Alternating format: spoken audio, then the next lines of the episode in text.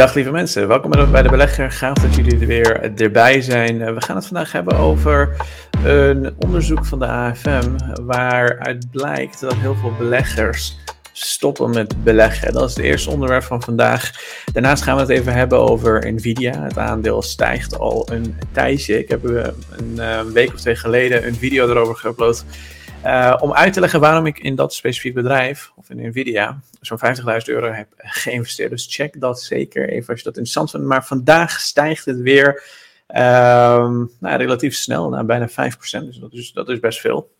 En we gaan het dus hebben waar dat aan ligt. Het is namelijk uh, gekomen door een geheim document die uh, gelekt is. Dus we gaan even kijken wat dat specifiek inhoudt.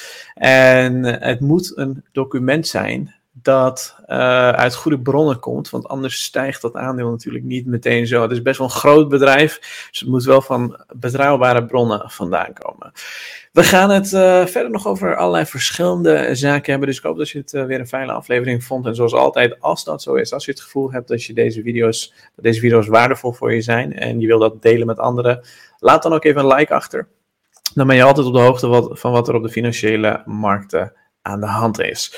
En daarmee help je dit soort content, daarmee help je dit kanaal, daarmee zorg je ervoor dat deze content door, content door een breder doelgroep wordt gevonden. En dat ze ook op de hoogte zijn van wat we hier nou precies allemaal wel niet aan het doen zijn. En overigens voor de mensen die de belegger-app hebben.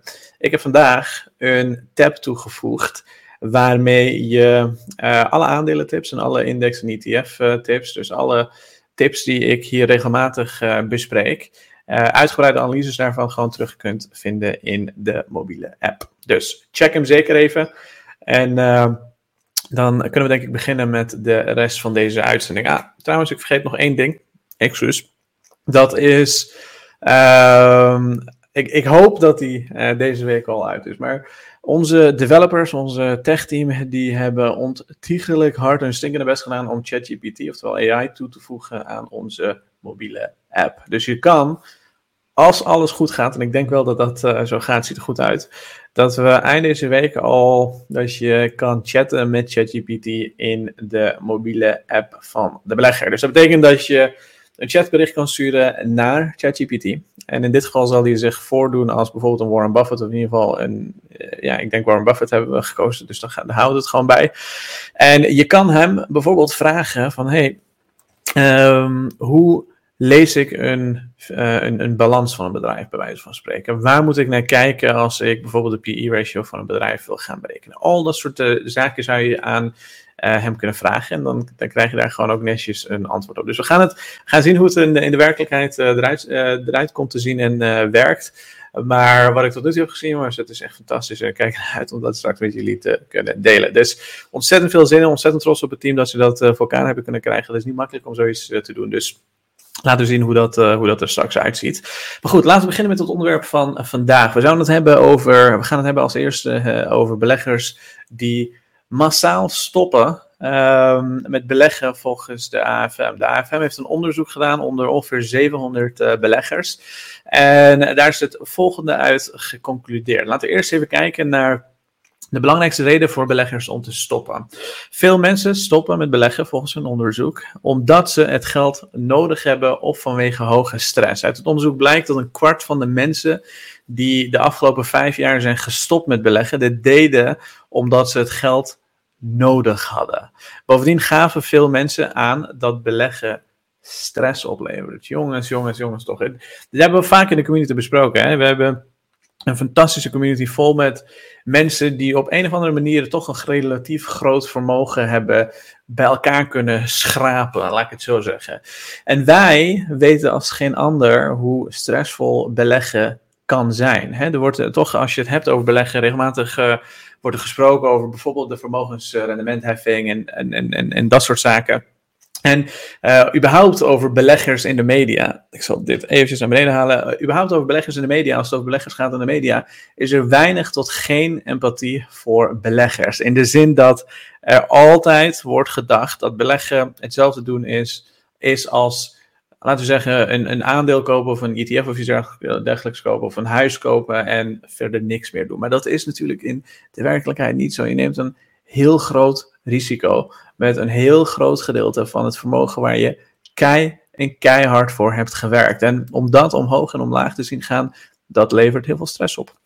En uh, dat stress, dat kunnen heel veel mensen dus blijkbaar niet aan. En sterker nog, um, uit het onderzoek blijkt ook dat heel veel van die mensen uh, die gestopt zijn, die hebben simpelweg ook te veel risico genomen. En als je te veel risico neemt, dan krijg je nog meer stress. Hè? Je wilt idealiter voor jezelf een beetje een spaarbuffer. En de ene zegt zoveel maanden, de ander zegt, ik zeg één jaar, of tenminste één jaar. Want dan um, ben je voor letterlijk alles wat je je kunt voorstellen, uh, ben je gedekt. En je hoeft je in principe geen zorgen te maken. Als je je baan kwijtraakt, als je je vriendin kwijtraakt, als je... Maakt wat er gebeurt. Je hebt gewoon voor een jaar lang aan reserves. Sterker nog, je zou zelfs dat, dat, dat geld kunnen gebruiken om een half jaar bijvoorbeeld te gaan reizen of iets dergelijks. Of in een, in een goedkoop arm land even je, je, je, je gedachten bij elkaar uh, rapen, laat ik zo zeggen. Maar um, ik zeg dus, uh, voordat je een, uh, niet een jaar bij elkaar hebt gespaard, zou ik misschien niet eens gaan beginnen met beleggen. Want je gelooft het of niet, je neemt een risico met het vermogen waar je heel veel belasting over betaalt, waar je heel hard voor gewerkt hebt. En dat brengt stress met zich mee. En sterker nog, er zijn heel veel randenbielen. Misschien wel een beetje lafaard zou ik kunnen zeggen. Ik zal geen namen noemen, maar ik denk misschien wel dat jullie weten over wie ik het heb. Uh, die ook nog eens heel veel beleggers heel veel angst aanpraten. Um, uh, ik, ik, ik merk, het, merk het regelmatig, zeker op sociale media, maar je ziet het ook gewoon op de mainstream media is dat er heel veel geluiden zijn, heel veel mensen die bijvoorbeeld uh, in economisch lastige tijden wat extra hitte op de vuur gooien. Vaak uh, hele luide mensen, een beetje onrespectvolle mensen, een beetje, ja, ik zal maar geen naam aanplakken. Um, laten we gewoon zeggen, even oneerbiedig, randebielen. die bijvoorbeeld dingen gaan roepen zoals het financiële systeem valt uit elkaar. Dat is best wel groot iets om te roepen. Uh, daarmee zorg je voor heel veel stress onder mensen. En dat stress zorgt ervoor dat ze bijvoorbeeld dan met een oplossing komen zoals een goud of zilver. Dat, zijn geen oplossingen natuurlijk onderaan de. Als je er serieus naar kijkt, zijn dat geen oplossingen. Uh, anderzijds zie je ook bijvoorbeeld geluiden van mensen die zeggen, ja jongens, DCA werkt niet, terwijl de wetenschap is heel duidelijk. DCA is de ene, de, de, uh, en DCA is periodiek over een hele lange termijn uh, blijven inleggen. Dat, is, dat werkt als het beste. Uh, als, je, als je simpelweg naar de gegevens en historische gegevens en, en, de wetenschap kijkt. Weet je wel, dus mensen gooien vuur op de hitte. Of ja, hitte op vuur, wil je het ook wel zeggen. Maar je begrijpt denk ik wat ik bedoel. En um, dat, is, dat is jammer om te zien, want kijk, heel simpel, als je kijkt naar de economische leren. Ik denk dat heel veel mensen die hier uh, economisch onderlegd zijn, relatief economisch onderlegd zijn, neem ik dan aan. En wat je toch keer op keer ziet, en dit vergeten we continu, is dat de beurs bestaat uit cyclussen. De beurs is cyclisch in de zin dat het op en neer gaat. Er zijn periodes van, um, uh, laten we zeggen, als we even naar dit uh, grafiekje kijken, Um, je, je, hebt periodes waarin je in een opgaande markt zit, oftewel opgaande fase. Je zit in periodes van hoogconjunctuur, waar heel veel overbesteed wordt. Um, je ziet de neergang, je ziet de onderbesteding en ook wel lage conjunctuur genoemd. En dan gaan we weer naar een opgaande fase. En die economische cyclussen, die komen continu, jaar op jaar, honderden jaren lang keer op keer komen die dingen terug. En dat heeft alles, maar dan ook alles te maken met het feit dat er relatief veel schuld is in, in, in, in de wereld. En centrale bankiers proberen een beetje die, die, die, die, die hoge en lage, uh, en laag conjunctuur een beetje in, in, in, in toom te houden, laat ik het zo zeggen. Want als ze dat niet zouden doen, dan zou laag conjunctuur dusdanig pijnlijk zijn dat we bijvoorbeeld een Hitler aan de macht zouden kunnen krijgen. En als ze dat aan de bovenkant niet doen, uh, krijgen we zoveel ja, uh, vraag in de economie dat er alleen maar monopolieën beginnen te ontstaan. En dat is een beetje wat we de afgelopen jaren ook hebben gezien. Hè? Dus ik begrijp overigens ook wel, uh, als je nieuw bent in het beleggen, er zijn heel veel nieuwe jonge beleggers erbij gekomen. En uh, het is niet zo dat ik zelf honderdduizend jaar ervaring of iets dergelijks heb. Maar ik begrijp in ieder geval de economische theorie daarachter. En als je dat begrijpt, sta je een stuk sterker in je schoenen. En dan heb je ook wat minder stress. Hè? Want stress komt vaak uit ja, toch een beetje een stukje angst. Niet weten waar, wat, je, wat, je, wat je ervoor staat. Een stukje onzekerheid. Um, en misschien ook wel een beetje ja, weinig ervaring en te veel risico genomen. Daar komt stress onderaan de streep uit. Maar wat je de afgelopen jaren zag. Hè, Um, we hadden natuurlijk een hele opgaande markt. Dan heb ik het voor de COVID-pandemie. Um, de COVID-pandemie die uh, gaf een enorme schok op, voor de beurs. Maar wat je daar zag is dat de centrale banken die verlaagden de rente om te zorgen dat die laagconjunctuur toen niet zo denderend zou zijn. Dus we gingen meteen tegen een overbesteding. En overbesteding in de hoogconjunctuur zag je dat heel veel techbedrijven over gingen investeren in hun, overmatig gingen investeren in, hun, uh, in het aannemen van personeel, in het uh, kopen van dingen. Mensen gingen overmatig uh, aandelen kopen. Je zag allerlei verschillende assets, of dat nou bitcoins of whatever waren, NFT's, als er nog wat erbij kwam, omdat er gewoon veel geld was in de economie. En dat zorgde voor overbesteding. Nu, op dit moment, as we speak, zitten we in een neergaande markt. We zitten in een neergang en we zitten bijna in een periode van onderbesteding. En dat is waarom de meeste mensen denken dat we waarschijnlijk een recessie moeten krijgen om die periode van onderbesteding te zien. dat is ook een beetje wat je ziet in de kwartaalcijfers op dit moment. Hè. Er zijn heel veel kwartaalcijfers uh, de uh, afgelopen week bijvoorbeeld geweest. We hebben Google gehad, we hadden Amazon gehad, we hadden heel veel verschillende bedrijven gehad. Wat je daar dus ook ziet, is dat die bedrijven allemaal, degene, in ieder geval Amazon bijvoorbeeld, om, om een goed voorbeeld te geven, die, je zag Amazon flink stijgen en daarna ook flink zakken van plus 12 naar min 2, omdat ze dus hebben gezegd dat ze verwachten dat bedrijven uh, significant minder gaan besteden, oftewel onder gaan besteden aan hun clouddiensten. En dat gaat best wel pijnlijk zijn, een pijnlijke periode zijn voor heel veel bedrijven. Dus dat gaan we waarschijnlijk ook wel in die kwartaalcijfers de komende tijd zien. Ik weet niet, ja kijk, het maakt mij persoonlijk niet uit hoe die beurs erop reageert. Hè. Ik ben niet de handelaar, ik ben niet de, de trader of whatever. Voor mij ik, ga, ik zing al die verschillende cyclussen uit. Het zou me echt geen bal boeien of de beurs omhoog of omlaag uh, staat. Sterker nog, als het omlaag staat en ik heb het geld, dan koop ik massaal bij. Het probleem is als, je, als de beurs omlaag, gaat, uh, omlaag staat, dat de meeste mensen dus ook niet te veel geld hebben, omdat we in die neergang en die laagje conjunctuur zitten. Dat voelen we allemaal, hè, jongens. Dat, uh, dat, dat is geheid duidelijk, denk ik. terwijl in die overbestedingsfase, in, in de hoogconjunctuur, weet je ook dat we in een fase zitten waar ja mensen meer geld denken te hebben dan dat ze daadwerkelijk uh, hebben. Um, maar goed, dat is, dat, dat is wel theorie die je denk ik wel moet begrijpen om, um, om, om een beetje lekker in je, in je vel te zitten. Maar goed, dus ik begrijp ook wel dat die beleggers uh, aan het stoppen zijn, dat er veel stress is enzovoorts enzovoorts. Maar dat zou ook wat kunnen betekenen dat we misschien dichter bij die laagconjunctuur en, en ja, in ieder geval meest, een groot gedeelte van die neergang hebben gehad. Dus... Laten we zien hoe dit zich allemaal uit gaat spelen over de loop van tijd heen. Maar één ding is zeker, heel veel beleggers zijn afgehaakt. En um, ja, het, is, het, is, het zit in, in het beest van de aard. Ik zag het ook in mijn cijfers. Ik zag um, in, in, in de periode 2021 uh, ontiegelijk veel mensen die de website bezochten, ontiegelijk veel mensen die, die, die uh, allerlei Instagram-accounts en dergelijke gingen volgen. En in deze afgelopen jaar, 2022, zag ik significante daling in de interesse in uh, beleggen. En wie weet waar het later staat, maar dit is wel wat we continu zien. En de mensen die in deze periode, en dan heb ik het over een periode van onderbesteding, neergang en laag conjunctuur die daar geld hebben. Dus als jij nog steeds een goede inkomen hebt, laten we zeggen vanuit je onderneming, vanuit je baan, vanuit whatever, je hebt een goede, goede inkomen. Of misschien zelfs uh, dat je aan de top verkocht hebt, chapeau, maar er zijn weinig mensen die dat doen. Um, dan heb je best wel wat geld om in deze periode uit te geven.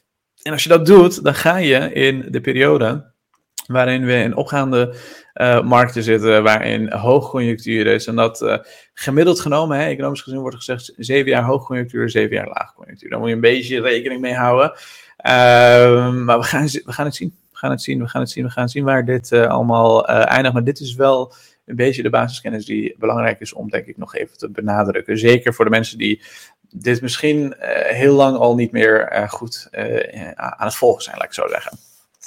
Um, Goed, ander nieuws. Uh, wat interessant is, is denk ik de beursgang van uh, ARM. Uh, dit is ook interessant, omdat uh, Nvidia een hele lange periode geleden, nou niet zo lange periode geleden eigenlijk, ARM probeerde te kopen. En ARM is een chipmaker die waarschijnlijk een van de grootste beursgangen van 2023 voor elkaar gaat krijgen. Ze hebben al, ze hebben al een, een, een, een, ehm, aanvraag ingediend. En de verwachting is dat ze voor zo'n 70 miljard in deze markt, hè, deze markt is niet makkelijk. Als, als ze bijvoorbeeld een tijd geleden de beurs op waren gegaan, was het waarschijnlijk wel meer geweest. Maar in deze markt voor zo'n 70 miljard de beurs op willen gaan. En nu we het toch over Nvidia hebben, moeten we het denk ik ook wel eventjes hebben over het feit dat Nvidia aandelen keihard aan het stijgen zijn. En dat heeft alles te maken met een gelekt document waarin een aantal interessante dingen te zien zijn. Zo zie je bijvoorbeeld dat de GeForce RTX 4060 Ti eind mei wordt uitgebracht. De exacte datum maken ze niet bekend, maar het wordt eind mei uitgebracht. En het grappige is, mijn laptop nu heeft ook een, uh, een, een GeForce RTX. En dat zijn hele krachtige chips, kan ik je vertellen. Als jij een gamer bent, of als jij, maakt niet zelfs voor kleine, ja, relatief kleine AI-opdrachten, uh, zijn het fantastische chips. En dit is een significant betere chip dan de vorige.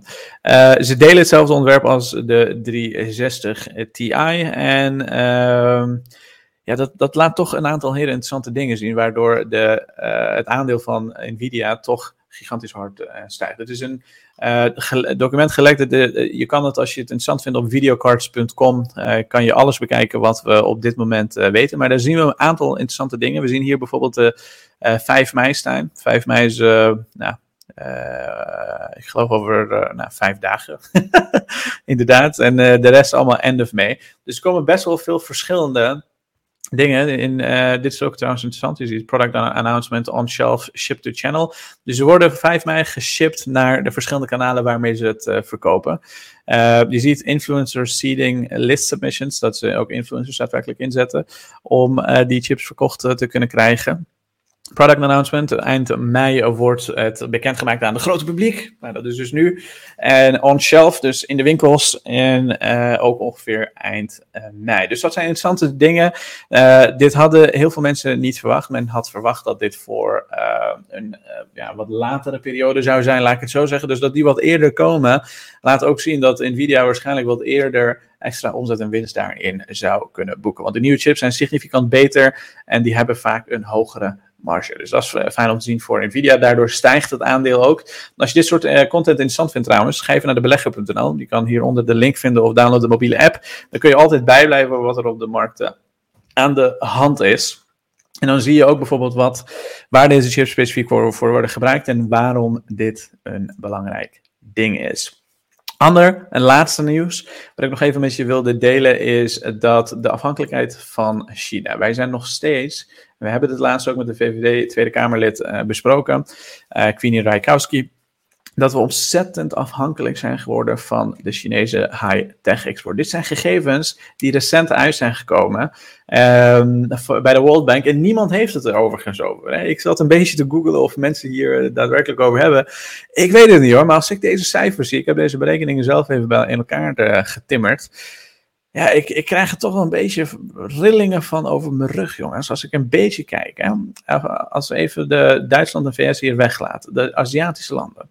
China, 942 miljard aan export van high-tech onderdelen. En dan hebben we het over chips en dat soort zaken. Hè? 942 miljard. Als we Hongkong erbij meenemen, dat is natuurlijk een, nou, laten we zeggen, aparte staat, maar we weten allemaal dat dat een stuk, uh, stuk minder aan het worden is. Dan hebben ze dus bijna 1400 miljard, 1,4 trillion aan uh, high-tech exports in hun handen. En dat, jongens, uh, we weten, deze, dit soort technologie, als, als dit zo door blijft gaan, dan wordt het groter dan de, dan, dan, dan de olieindustrie, als het ware, wordt er uh, wel eens gezegd. dan hebben we, als we Zuid-Korea en Singapore en Japan meerekenen, dan hebben we het over gigantische bedragen die we, uh, die we uit Azië binnenkrijgen. Sterker nog, als je Europa bij elkaar toevoegt, kom je uit op 641 miljard en VS 169 miljard. En jongens, jongens, jongens, ik weet het niet hoor. Ik weet niet wat jullie ervan denken. Ik weet niet hoe, hoe jullie de, het hele Chinese spectrum aan het bekijken zijn. Of jullie dat een beetje aan het volgen zijn. Maar dit is niet oké. Zeker met de, achter, met de achterliggende gedachte dat we steeds meer um, ruzies hebben met de, met de Chinezen. Als je kijkt naar op politiek vlak. Als je kijkt bijvoorbeeld wat er in Taiwan allemaal aan de hand is. Want Taiwan valt onder China natuurlijk, ook in deze berekeningen valt het onder China. Ik weet het niet hoor, jongens. Ik, uh, ik, ik, ik, ik vind het een beetje engig. In de zin van dat als wij een issue zouden hebben op een gegeven moment met China, dat zij dit wel degelijk, en we weten dat ze dat al eerder hebben gedaan, gaan kunnen gebruiken en zullen gebruiken tegen ons, zoals de Russen dat bijvoorbeeld ook doen. En ze sterker nog, ze zouden bijvoorbeeld zelfs om de Chinese yuan te pushen, zouden ze kunnen zeggen: jongens, we willen alleen nog uh, handel drijven in deze chips in onze eigen currency. En daarmee hebben ze toch best wel een grote, uh, ja, grote machtspositie voor zichzelf ontwikkeld daarin. Nou, we weten tegelijkertijd ook dat we in Europa natuurlijk bezig zijn om veel meer van die informatie en, en, en, dergelijke in-house te halen. Hè? Want als je bovenaan kijkt, wie staat er nou net na Vietnam in de top 10? Nederland op 101 miljard. En dat heeft alles met ASML te maken. En dat gaat hopelijk en waarschijnlijk en mogelijk een stuk meer worden dan dat het nu is. En hopelijk staan we straks misschien wel naast Duitsland als het, uh, als het een beetje goed gaat. Dus dat wilde ik even vandaag allemaal met je delen. We hebben toch 21 minuten volgepraat, heel veel informatie met je gedeeld. Ik hoop dat je het een fijne aflevering vond. Ik hoop dat je er wat aan had. En uh, als dat zo is, laat even een like achter, laat even een comment achter. Laat me weten wat je van deze video's vindt, dan blijf ik ze maken. Dan weet ik ook dat jullie dit soort uh, content interessant vinden. En ik zie jullie bij de eerstvolgende video terug.